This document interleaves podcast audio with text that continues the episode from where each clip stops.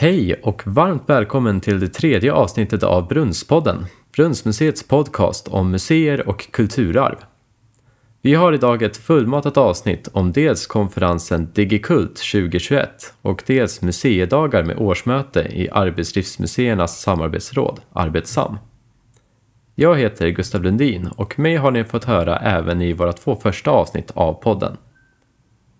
Med mig idag har jag min kollega i arbetsgruppen för Brunnsmuseet, Tobbe Lindblom. Välkommen till podden Tobbe! Tack ska du ha Gustav! Ja, men visst. Du och jag har ju ägnat hela veckan åt Digikult och museidagarna. Hur tycker du veckan har varit? Ja, den har varit eh, stillasittande. Väldigt mycket sittande framför datorskärmen med hörlurar på. Men, eh, men det har varit intressant. Väldigt intressant alltså. Och vad många kloka människor det finns där ute i våran museirymd. Kallar det för det. Mm. Ja, men visst. Vi ska börja programmet idag genom att diskutera lite om Digikult som då är en nordisk mötesplats för digitalt kulturarv i praktiken med fokus på tillgänglighet, delaktighet och utveckling. Jag tänkte först på det här begreppet digitalt kulturarv. Jag tycker att det för tankarna lite i fel riktning. Som att det digitala kulturarvet skulle vara något annat än det andra kulturarvet. Vilket ibland benämns som materiellt eller immateriellt eller analogt kulturarv. Det digitala skär snarare på tvären, eh, tillför en extra dimension snarare än något eget. Exempelvis vår process med att digitisera och tillgängliggöra tidigare fysiska böcker som e-böcker. Det är för mig en förlängning av den ursprungliga bokens livscykel snarare än en ny bok. Samtidigt så är också den här processen som vi gör är i sig självt ett exempel på ett digitalt kulturarv. Hur tänker du kring begreppet digitalt kulturarv, Tobbe? Ja, jag, jag håller med dig. Jag håller helt och hållet med dig att det är att det här med att digitalisera eller digitisera, att det är det är ju inte bara för att man digitiserar en eller skannar in en gammal bok då, så är det ju inte någon ny bok. Det är ju samma bok, men man gör den kanske då tillgänglig på ett lite annorlunda sätt. Men det är det vi skapar idag digitalt, det är ju alla dessa protokoll som aldrig skrivs ut någon gång som hamnar direkt ner ja, på något utrymme någonstans. Som i våra fall då inom Brunnsmuseet så hamnar det på det vi kallar för våran Google Drive. Google Workspace som vi använder. Mm. Och de protokollen de skrivs ju aldrig ut. Så att det är ju det digitala kulturarvet som vi skapar inom vår förening. Ja, och en del av konferensen på Digikult, det var ju den här inspirationsbanken med några videos som presenterade olika typer av projekt. Och Tobbe, vi eh, har valt ut ett av de här videoklippen ur inspirationsbanken. Vilket är det som vi har valt?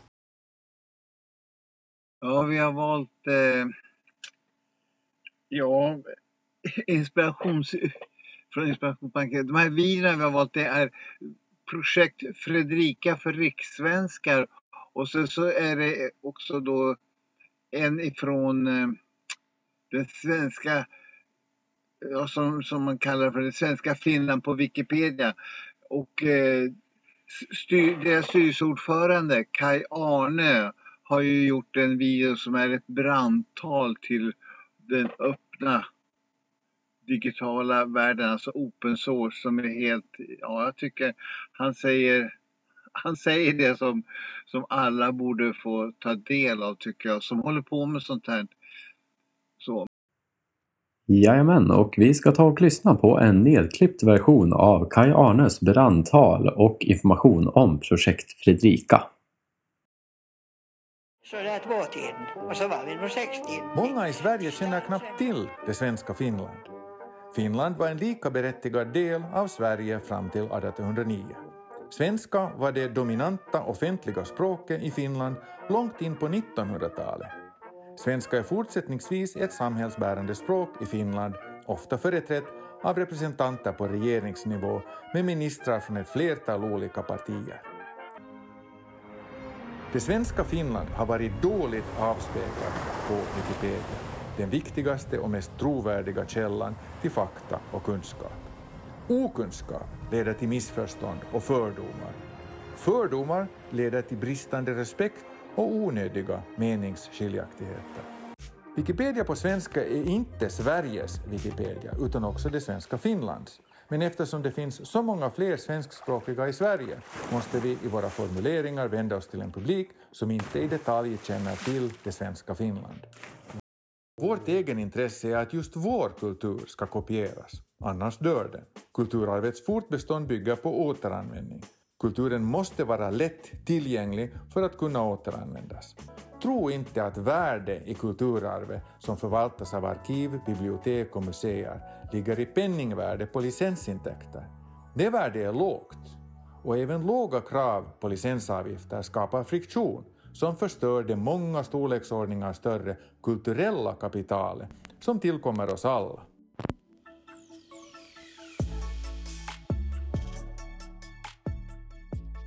Det kulturella kapitalet möjliggör vår fortlevnad. Förstör inte vår kulturella biodiversitet. Låt alla kulturella blommor blomma. Öppen licensiering är det klorofyll som möjliggör kulturens fotosyntes.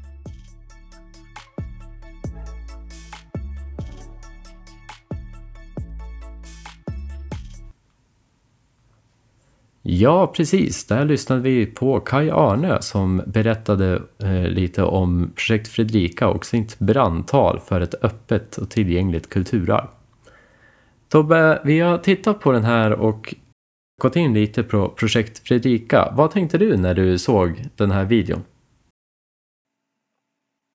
Ja, jag, jag, hur ska jag säga, jag är inte förvånad liksom för jag har, jag har kommit i kontakt med det svensktalande Finland eller om det eh, längre tillbaka och allt, alla de ansträngningar de har gjort kring att bevara det svenska språket i Finland. Och det är faktiskt så att den dialekt av svenska de pratar i Finland där, det är klassat bland eh, många språkforskare som den vackraste svenska dialekten. Det är alltså en svensk dialekt, det är inte en brytning på finska de pratar.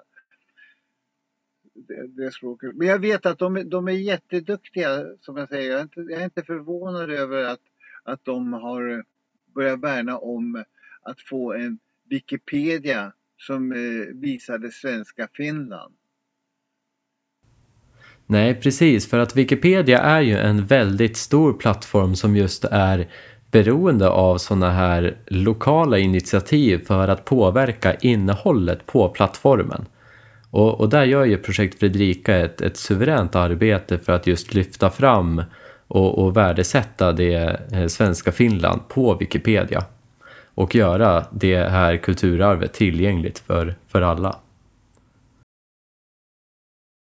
Ja, vi har pratat lite om projekt Fredrika då, ett exempel på digitalt kulturarv som då presenterades som del av Inspirationsbanken på konferensen Digikult. Vi ska gå vidare lite in på konferensen som sådan och ett av de första panelsamtalen som hölls på konferensen. Den 4 januari 2021 publicerade företrädare för fem stora kulturarvsinstitutioner i Sverige en debattartikel i DN Debatt där man efterlyser pengar och riktlinjer för digitalisering av vårt gemensamma kulturarv. Och dessa samlades igen under konferensen för ett panelsamtal. I den här debattartikel så skriver de, framskriver de behovet av en storskalig och kraftfull satsning på digitalisering och att det krävs ett, en helhetssyn på kostnads och nyttoeffekter för att fördela samhällets resurser för en storskalig digitalisering av kulturarvet. De menar också att det i dagsläget saknas resurser för att bevara information som idag ligger på äldre databärare såsom magnetband, disketter och tidiga hårddiskar och att de här riskerar att gå förlorade om man inte snart gör en, en storskalig digitalisering. Tobbe, när du kikade igenom den här artikeln, vad var det som du eh, fastnade främst för? Ja, det roligaste höll jag på att säga, men det var när i det här mötet då, när den här presenterades nu, när de här um, företrädarna för de fem stora kulturarvsinstitutionerna på Digikult här skulle ha en öppningspanel och sitta och prata. Och så visar det sig då att den här debattartikeln den är inte tillgänglig för de som sitter då med i den här online Zoom-möte som det då var. Alla deltagare där. Därför att den ägs av DN, så prenumererar du inte på DN och har ett konto där, då kommer du inte åt artikeln. Och kan följa med. Många där som inte hade läst artikeln. Och så sitter de och pratar om att eh, ja, att, jag, att samhällets resurser för en storskalig digitalisering av kulturarvet. Och det är precis det här som kommer att hända om vi släpper det här med open source och tillgänglighet. Att saker och ting kommer att hamna bakom låsta låsta väggar. Det, det, det, det vad ska jag säga, det, den problematiken överskuggar det tycker jag som står i artikeln som sådan. Mm. Ja, det var en liten, en, en liten prekär och en lite pinsam detalj det här att, att den, den i efterhand då, den här artikeln hade, hade låsts av, av DN. Och att jag förstod det också som att det inte var helt säkert att de skulle ha rätten att publicera sin egen debattartikel i ett annat forum. Eh, att det kunde vara så att den här då eh, förblir låst bakom den här eh, betalväggen då. Jag tänkte säga att det, det, finns ju ändå, ändå eh, eh, hur ska jag säga, räddningsplankor. Så att det, det visas också under den här konferensen efter en liten stund när folk hade fått jaga runt lite grann. Att artikeln fanns tillgänglig att läsa på Internet Archive som också är en sån här crowdsourcing-plattform kan man säga. Alltså en eh, plattform där det är ideellt, inte ideellt arbetande men eh, där det är information som är tillgängliggjord utan att eh, man behöver betala för den. Ja, just det. Ja, men precis. Den fanns där tillgänglig på Internet Archive och vi kommer lämna, eh, skriva ut eh, länken till den debattartikeln som vi diskuterar nu i avsnittsbeskrivningen till det här avsnittet. Då. Och naturligtvis till den, den öppna länken till, till Internet Archive. Då. Och apropå det här eh, panelsamtalet så kan man ju fundera på hur det kommer sig att de svenska institutionerna tycks ha ett, ett visst samarbetsproblem eller ett samordningsproblem som gör att det här, eh, det här fortfarande är ett, eh, ett bekymmer i Sverige. För att om man jämför till exempel med Norge så har man ju kommit betydligt längre och, och tycks ha ett, en större samsyn på, eh, på och, och även finansiering från politiskt håll för att göra en, en storskalig digitalisering. Vad tror du, hur kommer det sig att, eh, att det är lite, eh, lite svårt för dem att, att få ihop det där? Ja, jag, här i Sverige, jag tror att här i Sverige har vi, har vi det här vi kallar för jantelag. Va? Och jag tror att det har man inte i Norge antingen så beror på att man har kommit längre eller att man inte har kommit så långt. Jag vet inte vilket. Men tror du att de har kommit längre än oss här. Det finns ju också det här med andra samarbetsprojekten som de har. Som också då fanns med på konferensen här.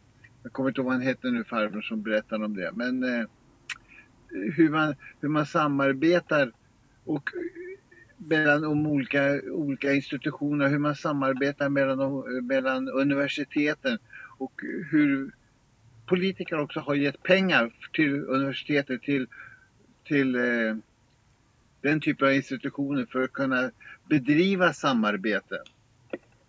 Det är ju viktigt eh, att, att, att, det, att det är någon som vill stå för fiolerna så att säga. Och det, i, i Sverige säger man, man säger, det finns väl kanske samarbeten bak, lite så här bakom då mellan de olika lärosäten och det. Men ofta så lyfts, lyfts det fram som att det är lite stridigheter om man ska få kalla sig för högskola eller man ska få kalla sig för universitet och så vidare. Istället för att göra saker tillsammans bara. Mm. Ja, just det. Jag tror att det du är inne på där, det var eh, Espen Ulebergs presentation av projektet ADDED, som då är Archaeological Digital Excavation Documentation, som då är en öppen plattform för utgrävningsdokumentation från, för då hela Norge. Och han gav då ett, ett starkt exempel på hur man genom samarbete mellan olika institutioner kunde garantera en fri digital tillgång till källmaterialet. Då. Det, det, det, vi ska inte, vi ska inte säga, visst händer det saker även här i Sverige lite grann. Men eh, vi har ju K-samsök och vi har ju den typen av initiativ som kommer. Och eh, jag tycker det har kommit mycket gott utifrån eh, Riksantikvarieämbetet att dela med sig av erfarenheter, att, att ja, försöka få igång saker och ting bara. Att låta folk mötas och, och eh, prata om de här sakerna. Mm. Så att eh, Ja, vi har ju Digisam till exempel. Digisam-fika, om det är en gång i månaden. Så träffas man kring eh, online-möte med kaffekoppen i hand och sen så har man något tema man pratar kring. Ungefär som att träffas vid fikatomaten. Ja, just det. För Digisam brukar ha såna här eh, fredags, eh, fredagsfika, va? Ja, precis. Mm. Du har varit med på en hel sådana, va? Ja, jag har varit med på några stycken, ja. Mm. Och det, det som är så roligt där då, det är att då när man sitter där och pratar och eh, man även använder en av de digital, digitala möjligheterna, det är chatten då. Man skriver in, samtidigt som det är några som håller på att prata så kan man skriva in kommentarer. Och fördelen med det är att man blir inte avbruten utan man kan skriva som man vill och så vidare. Och plus att chatten sen då kan bevaras går, går lätt att kopiera den och så kan man spara den bland sina egna anteckningar från det mötet om det är saker man vill komma ihåg framöver. Så, jag tycker det, ja, det finns mycket, finns mycket roligt i den här digitaliserade, digitaliserade världen också. Även om det kanske har låtit som att, att eh, i alla fall jag har spottat ur en del kritik då så här. Mm, mm. Ja, nej, men absolut. Ja, vi ska gå vidare i programmet, och, men vi ska ändå hålla oss kvar lite kring arkivering och digitalisering. Eh, under konferensen så hölls bland annat en monolog av Samuel Edqvist som hette Digitalt, allt för digitalt. Och han pratade om problematiseringen kring att digitalisera mot att bevara digitalt. Eh, det, det kan finnas som en, eh, en motsättning mellan att antingen lägga stora resurser på att eh, ändra digitalisera äldre arkivmaterial mot att vårda och förvalta de ursprungsdigitala arkiven. Det som man idag betraktar som eh, digitalisering det är ju ofta att man eh, just digitaliserar tidigare analogt material och gör det digitalt tillgängligt i en databas. Samtidigt så har vi också en hel del material som, som så att säga föds in i en digital kontext och aldrig har funnits i, något, i någon analog form. Han eh, gick in på det här att det eh, är en, en problematik eh, som, som kan finnas i det här att när man vill åt båda de här sakerna så, eh, så kan det vara lite svårt att få ihop med, eh, med finansiering och, och, och till den delen då. Eh, Tobbe, du lyssnade också på den här monologen av Samuel Edqvist. Hur, hur tänkte du med, med det som han berättade, på, berättade där? Jag tycker, jag tycker det, det, det, ja, det du har framfört att det, det stämmer. Alltså det, är, det är precis de problematiken han tar upp och det är här lite grann som vi har pratat om i början också utav podden. Att eh, det, ska jag säga, att, att man får skilja på det e, ena och det andra. Det digitaliserade eh, analoga materialet så att säga. Och sen eh, sånt, sånt som eh, är redan digitaliserat från början så. Men det, det som är så här det är ju att eh, ska säga, det, det, det, här med att, att eh, komma åt materialet, det här med forskningen. Vi, vi, vi, vet inte vad som väntar bakom hörnet. Risken är också så här att, att vi, vi, vi springer lite för fort kanske i det här att göra allting eh, digitalt tillgängligt. Vi kanske ska eh, vänta lite grann, vänta, vänta, vänta lite grann och se vad, vad, har framtiden att komma med? Det är att vi, snart, snart är vi inne i samma hastighet som eh, hela världen är och jag tror att det, är, det kan vara en liten nackdel.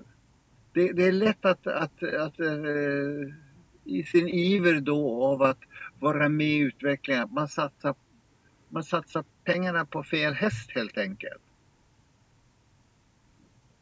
Och så, så, så som han säger också här att eh, eh, uh, 2 av Riksarkivets material är tillgängligt digitalt. Mycket otillgängligt och så mycket är otillgängligt på grund av upphovsrätt och sådana saker. Och att läs, eh, vad ska säga, besöken i läsesalarna eh, har halverats och det. Ja, om man nu blandar ihop allt det här så kan man säga det att ja, ja, vi ska inte digitalisera så mycket utan folk får komma till läsesalarna och titta sätta sig där för vi behöver höja det besöksantalet. Ja, är det det som då ska driva utvecklingen så här? Men det, jag, jag, jag, tycker att titta efter, har, har, man då papper som är på väg att, att som trots konservat, konservators ansträngningar börja falla isär, börja kunna visa att det inte kan hålla ihop. Inte ens bara ligga för sig själv där. Det är klart att det ska digitaliseras, det ska göras, liksom göra en någonting som vi kan bevara det till eftervärlden. Helt klart. Mm. Ja, och, och också på sikt så kan det ju bli att den här digitaliseringen av källmaterial och eh, kombinationen då med länkade data eh, Eh, kommer då innebära att allt mer forskning på sikt kommer bedrivas med hjälp av kvantitativa metoder som görs på ett stort statistiskt underlag. Och samtidigt som det också är en Eh, kan, kan möjliggöra nya eh, metoder och, och, möjligheter till bearbetningar så kan det också innebära att eh, det sker på bekostnad av mer kvalitativa studier som ger en närhet till det studerade materialet. Så att vi ser ju här också att eh, Ehm, den här digitaliseringen eh, och digitala tillgängliggörandet till kulturarvsmaterial eh, kan ju också förändra eh, forskningen på ett sätt som, som kanske inte i alla, alla bitar kan vara en, en positiv utveckling. Det, det, är precis som du säger, men samtidigt, samtidigt så är det ju så att, att idag nu så är ju inte allt tillgängligt. Även om man forskar så, så går man dit och man hinner ju inte med att titta på allting. Men sitter man där och så tittar på det analoga materialet så kommer man, oj, titta här, upptäcka någonting nytt. Men det blir ju samma sak i framtiden. Man sitter och tittar på det digitaliserade materialet så kommer man att upptäcka att, men vänta nu, här måste det saknas någonting. Här finns det ett svart hål. Jag menar, man har ju upptäckt de svarta hålen. Det, det är för att man har upptäckt att det saknas någonting här. Det är någonting som inte stämmer riktigt. Och det tror jag att med hjälp av eh, förfinade verktyg och så vidare som är helt baserade på den digitala tillgängligheten.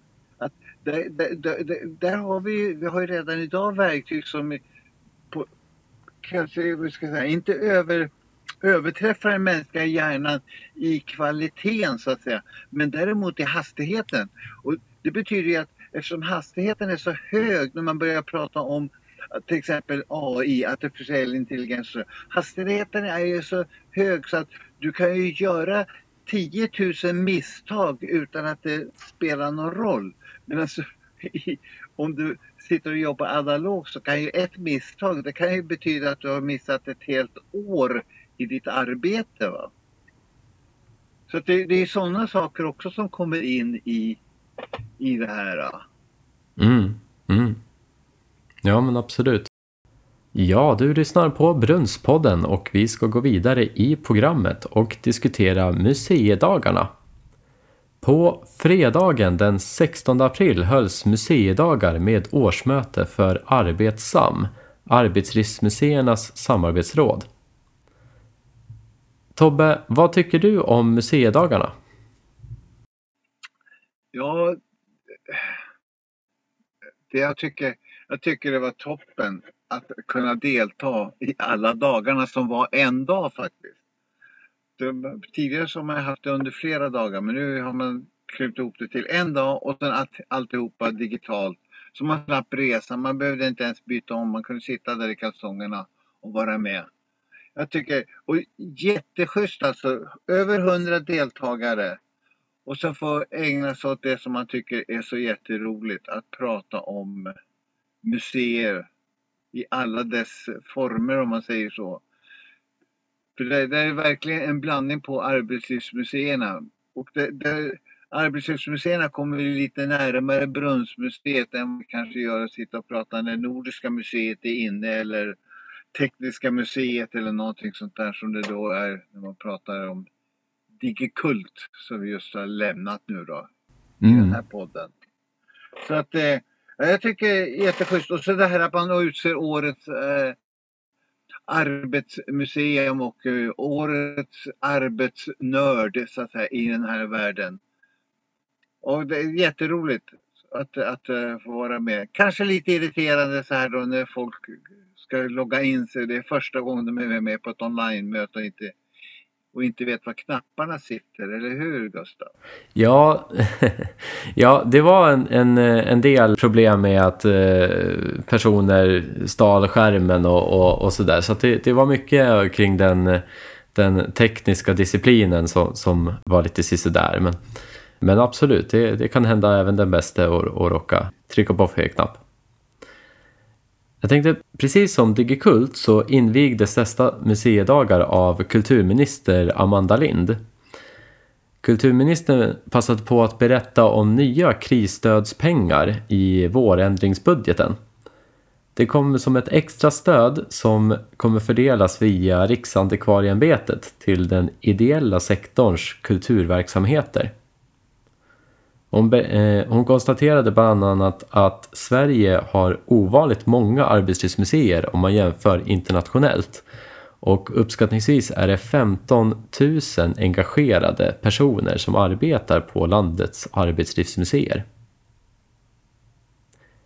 Jag passade faktiskt på att ställa en fråga själv till kulturministern Eh, Eh, och fråga om de ideella arbetslivsmuseerna, hur de ska förhålla sig till de rådande restriktionerna. Det som vi har pratat om i Brunnspoddens två första avsnitt. Eh, tack kulturministern för, eh, för ordet och för, för att du invigde Digikultkonferensen G-kultkonferensen i tisdags. Det var också trevligt. Jag har en fundering på hur de ideella arbetslivsmuseerna ska förhålla sig till rådande restriktioner kring begränsningsförordning och sådant. Eh, vi betraktar oss ju många som museer eh, och ska vi då börja eh, mäta på den begränsningsförordning som är med 10, 10 kvadrat per person? Eller kommer det komma nya riktlinjer för just de ideella arbetslivsmuseerna? Tack. Mm. Tack för en bra fråga. Eh, nej, kan jag säga. Det kommer väl knappast att komma några särskilda riktlinjer från Folkhälsomyndigheten till just arbetslivsmuseerna. Utan det som, det som är just nu och det du pratar om det är ju att i pandemilagen så har det nu sedan ett antal veckor tillbaka har konsthallar och museer inkluderats i, i pandemilagen. Tidigare har det funnits en dels en rekommendation, en önskemål från regeringen till, till offentligt drivna verksamheter att, att hålla stängt. Eh, inte minst när den andra vågen var då som, som störst. Nu, nu, finns det en, en nu, nu, är museerna inlämnade i pandemilagen. Det finns tydliga regler med vad som gäller med till exempel då det här besöksantal per kvadratmeter. Och det syftar ju till att dels alla de som ändå har hållit öppet, en del privata har ju hållit öppet hela vintern och följt i princip reglerna som gäller för, eh, för butiker. Att nu finns det klart och tydligt nedskrivet. Och det innebär ju att också de som har hållit stängt, eh, offentligt drivna men kanske också ideella som vill bidra och, och man, man, tar hänsyn till smittspridningen helt enkelt. Men att man då kan, kan öppna upp igen eh, på ett sätt som, som är tydligt och klart och att man följer den här lagstiftningen nu då. Så att eh, Eh, jag tänker att det är det som ni får utgå från och sen när det gäller uttolkning och, och dialog om det här, ja, men då är det ju ansvariga myndigheter som man får, får bolla och fundera med. Eh, och sen kommer ju det jag ser framför mig framåt nu beroende på hur smittan utvecklas, det är ju att det kan komma nya eh, föreskrifter från Folkhälsomyndigheten kopplat till pandemilagen och det kan också komma nya beslut från regeringen. Men där är vi ju inte nu utan just nu är det det som, det som, det som finns där som gäller. Ja, och där hörde vi Amanda Lind som svarade på min fråga om begränsningsförordningen och museerna. Tobbe, vad tycker du om kulturministerns svar? Ja, jag tycker att det var ett, eh, om man nu ska lägga in det, ett politiskt, ska man säga, eh, kvalitetsbedömning så var det ett väldigt politiskt svar. Och eh, eh väldigt, väldigt, vad ska man säga, Ja, ungefär som jag sitter nu och pratar väldigt länge om, om en sån liten sak och kunde bara sagt att det blir inga special, specialgrejer för specialförordningar för arbetslivsmuseer utan det blir som får följa de andra förordningarna. Mm. Förmaningen som är.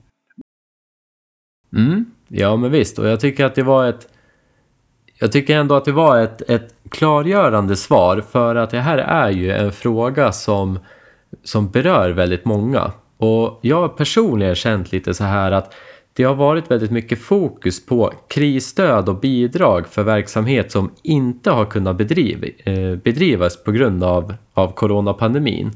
Och att det här fokuset har delvis skett på bekostnad av frågor om hur en anpassad verksamhet är möjlig genom pandemin.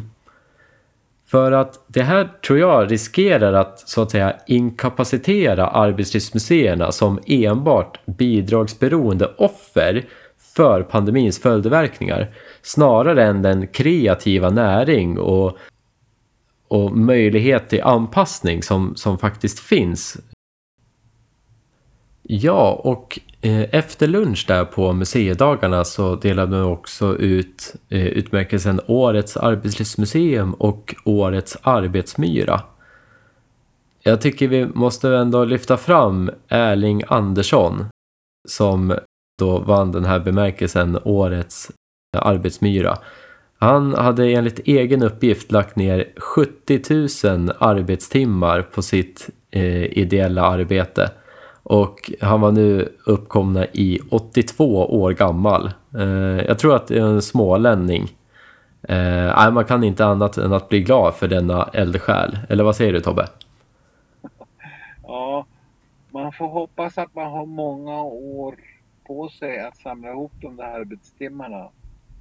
Och han, han, han, han hade ju, han var han presenterade sig på mötet. Han var ju fortfarande igång så att säga med både idéer och rullande projekt så här. Alltså, det var ju, ja, som man säger, en krutgubbe. Ja. Det, det, visar väl att det här att vara engagerad så här, att, att brinna för någonting, att vara eldsjäl. Det är rena hälsobevarande arbetet. Ja. Det är, inte, det är inte bara folkbildning vi sysslar med utan även att folk mår bra. Mm. Ja men verkligen så. Och det är ju fantastiskt att man genom de här utmärkelserna kan just premiera helt ideella verksamheter och även helt eh, ideella eldsjälar. Jag, jag, tycker att det är, det är jätte, jättehärligt, jättesuveränt. Eh, Arbetsam passade också på att berätta att man har gått med i föreningen Ideell kulturallians. Och där var det någonting som eh, vi drog en liten lokal koppling. För visst är det så att det finns en ideell kulturallians i Sala? Stämmer inte det Tobbe? Jo, det är så faktiskt. Att för ett antal år sedan så var det några kulturföreningar som gick ihop och bildade ideell kultur. Den heter inte Ideell kulturallians utan Ideell kultur i Sala. Men förkortningen var IKS. Och det var just utifrån det här eh, att det finns då ideell kulturallians som verkar på en eh, nationell nivå. Och tanken med den här eh, kulturalliansen då, det skulle vara att, att eh, prata utifrån kulturella värderingar, i, prata med kommunen, se till så att, att de kulturella värdena finns med i olika typer av kultur planer och i beslut som kommunen tar. Och Ideell kulturallians då som är eh, Sverige, på Sverigenivå, där där försöker man få en ideell kulturallians i varje region. Men vi har ingen sån i Västmanland. Och just nu så är vi inne i att eh, regioner har, eh, inne i arbete med att plocka fram en, kulturplan för region Västmanland för eh, 2023 till 20, ja någonting framöver i alla fall. Och där i det arbetet då så har man delat in det utifrån olika intresseområden, olika rubriker där man träffas då i mindre möten. Man bjuder in till möten med eh, föreningslivet och, ja, Typ, och civila så att säga. Och där är en av de där rubrikerna är arkiv. Och sen har det funnits då för de olika andra kulturyttringarna och så. Men det där kan man läsa om på på regionens hemsida. Men eh, vi kan väl återkomma till, till eh, kulturplanen i Västmanland framöver. Berätta vad vi, vad vi i Brunnsmuseet tycker, eller hur Gustav? Ja, men absolut. Det kan vi absolut göra, att återkomma till den kulturplanen när den väl är spikad. Ja, och vi ska avsluta programmet genom att lyfta blicken och prata lite om framtiden. Vi kan konstatera att både konferensen Digikult och museidagar med årsmöte under normala år brukas hållas fysiskt på plats någonstans i Sverige. Men båda har då på grund av coronapandemin i år behövt hållas digitalt. Det brukar framhållas ibland att pandemin har tvingat fram digitala möten och även ökat möjligheten att närvara, åtminstone för de som behärskar digital teknik. De digitala mötena gör det ju mindre kostsamt med resa och logi och mindre tidskrävande att kunna närvara. Så vad tror vi om framtiden efter pandemin? Tobbe, vad tror du om din möjlighet att närvara på, på kommande träffar om det inte hade varit digitalt? ja du. Om det hade varit utan pandemi säger du. jag har försökt att hänga med så här, men det, det har, man har fått välja. Och som eh, i alla fall när det gäller då eh, Eh, med, med den ekonomin vi har i Brunnsmuseet här utan att ha några någon stadig inkomst och sånt så har vi ju, vi har en knapp, god men knapp ekonomi så, så men, eh, mycket av det man har gjort, resor och sånt, det har man ju fått sätta upp på nöjeskontot.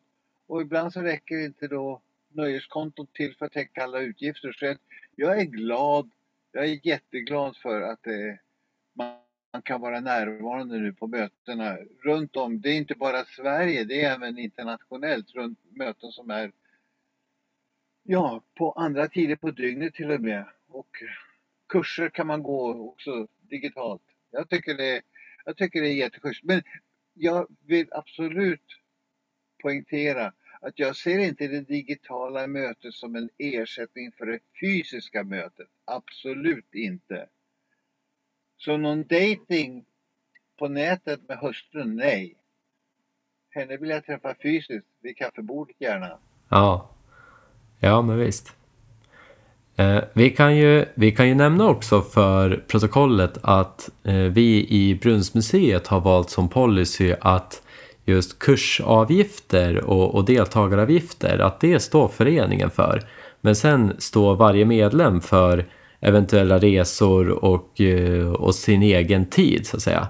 Men jag tycker också det är en bra balans i förhållande till en, en eh, ändå eh, ideell förening med ganska knapphändiga resurser. Att vi ändå har en, en premiering internt för den här typen av, av möten och representation. Ja, då ska vi ta och avrunda programmet. Är det någonting mer som du önskar säga Tobbe? Ja, en sak vill jag skicka med de som har möjlighet. Ta sprutan. Ja, men just det. Det kan vi verkligen skicka med att gå och vaccinera er för covid-19 så vi snabbt och säkert blir av med denna pandemi. Ja, det var allt för dagens avsnitt. Du har lyssnat på Brunnspodden avsnitt 3 där vi har pratat om Digikult och museidagar med årsmöte för Arbetsam. Nästa avsnitt av Brunnspodden kommer med tiden på plattformar där poddar finns.